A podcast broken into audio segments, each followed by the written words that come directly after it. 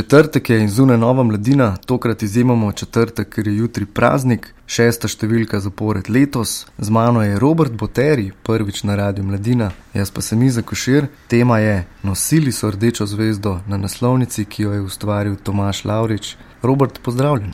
Pozdravljen. Tebe smo povabili kot gosta, predvsem zato, ker si celo ne boste verjeli, delal z Janezom Janšo nekoč na mladini. Kako se je to vse skupaj začelo, kako se ga spominjaš kot sodelavca mladine? Je bil takrat še v partiji in ni bil? Jaz sem z Janezom Janšo začel sodelovati že pred mladino, še ko sem bil urednik eh, študentskega časopisa Tribuna. V bistvu mi, da so se spoznala uh, ravno tisto leto, ko so ga izključili iz partije. Na sodelovanje z Janezom Janšo na mladini moram reči, da je absolutno to je bil izjemno korekten odnos in tudi, in tudi takratno njegovo delovanje in eh, mladinino pisanje sta šla z roko v roki. To je bilo obdobje, ko smo se nekako borili za demokratizacijo prejšnjega sistema.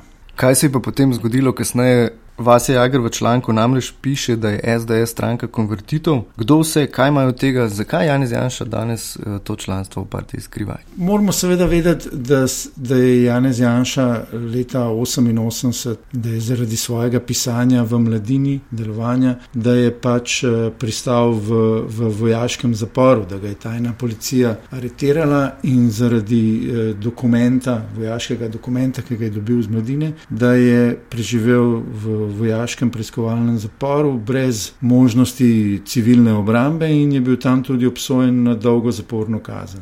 Takratna oblast v Sloveniji je potem to dolgo zaporno kazen spremenila v zapor odprtega tipa, in po nekaj mesecih so, so fanti prišli ven iz zapora. Ne. Že takoj potem, ko se mu je to pripetilo, je začel Janša obtoževati komunistično partijo in predvsem predsednika Kučana, da so ga pač oni areterali in predali vojski. Nekaj, kar je pa pač popolno razumljivo, ne, da prideš do, do takšnega razmišljanja in tudi v tistem obdobju smo nekako vsi to sprejeli. Ne. Tisto, kar se zgodi, je potem osamosvojitev, kjer se nekako pozabi na te zamere in bi lahko rekli, da in Milan Kučan, in člani partije, in opozicija nekako skupaj izvedejo ta proces eh, demokratizacije in osamosvojitve. Na kar pa potem, recimo, tri leta po, po osamosvojitvi, pride do afer okoli prodaje orožja. Do takrat ta navidezni mir med Kučanom in Janšo naenkrat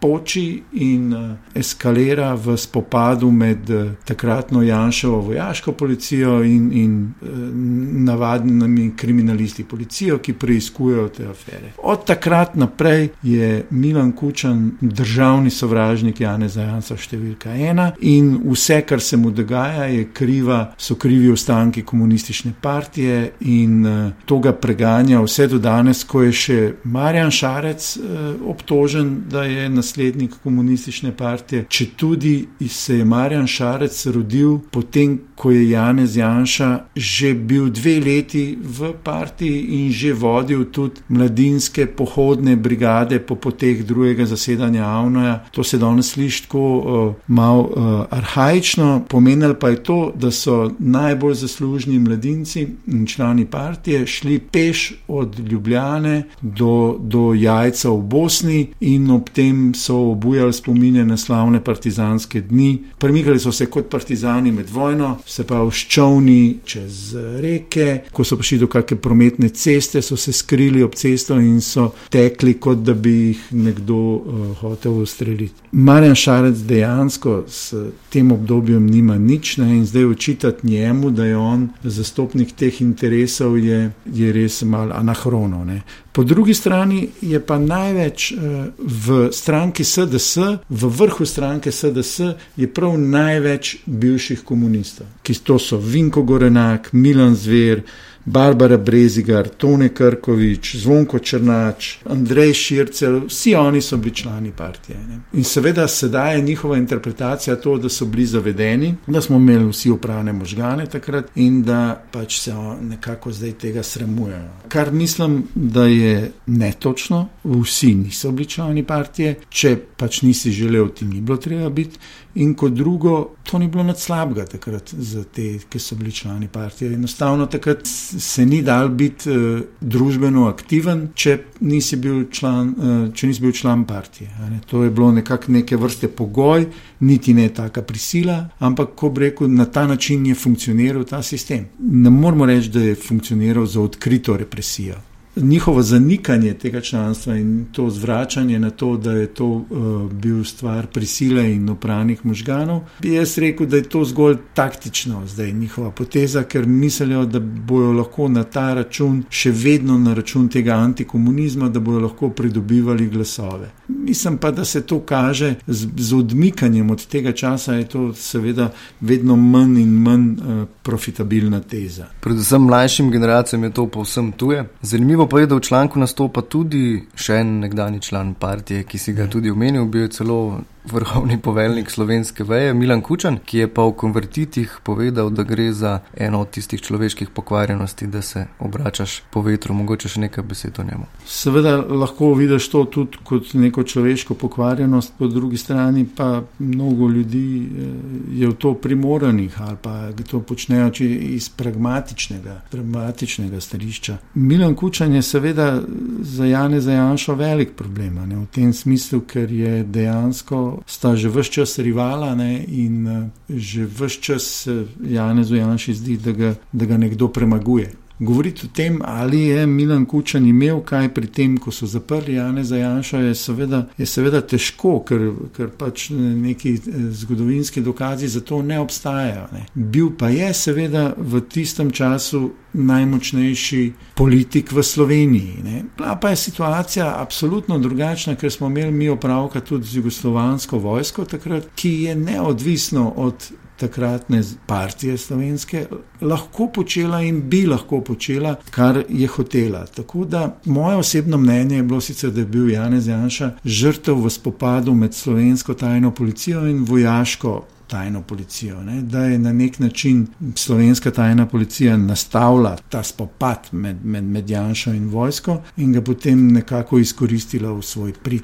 Ne bom trdil, da je, da je točno vedela, kaj vse se bo zgodilo. Absolutno mislim, da ni predvidela reakcije javnosti, ki je potem enotno uh, stopila na stran zaprtih in uh, organizirala demonstracije na rožki, ki jih oblast absolutno ni pričakovala in se je tudi v tistem trenutku uh, ustrašila in potegnila nazaj in, in mogoče tudi zaradi tega sprejela neko demokratično igro, ki ni nujno, da bi se lahko odpeljala na ta isti način.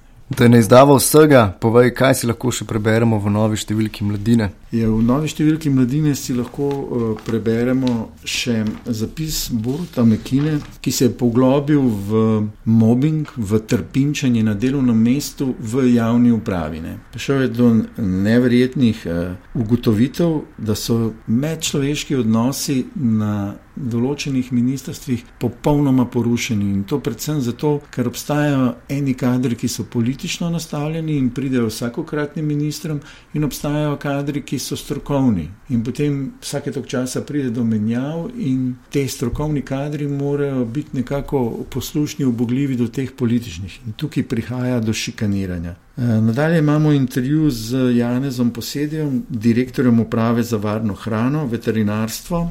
Seveda pogovarjamo se o polskem mesu in o tem, kakšno meso slovenci jemo. Naslednja stvar, ki bi jo rad še izpostavil, je malo drugačen pogled na, na dogajanje v Venezueli. Marcel Štefančič pokaže na to, kako je Amerika absolutno zainteresirana, da v Južni Ameriki ne obstaja nikakršen režim, ki bi bil nasproten ameriškim gospodarskim interesom. In v tem v smislu je potrebno gledati tudi to dogajanje v Venezueli. In na koncu bi še izpostavil dobitnika eh, nagrade Prešernovega sklada za animacijo Dušana Kastelica, dolgoletnega sodelavca mladine, ki je narisal tudi legendarni strip o aferi JBTZ.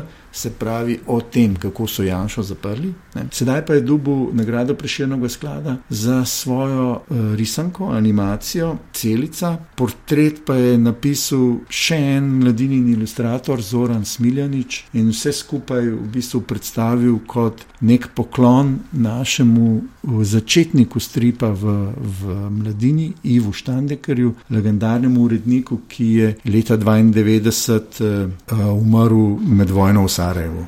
Hvala, Robert, za te in vse insiderske informacije, več pa tudi na mladinjeni spletni strani trikadvojneve.mladina.si in pa prijetno branje. Hvala.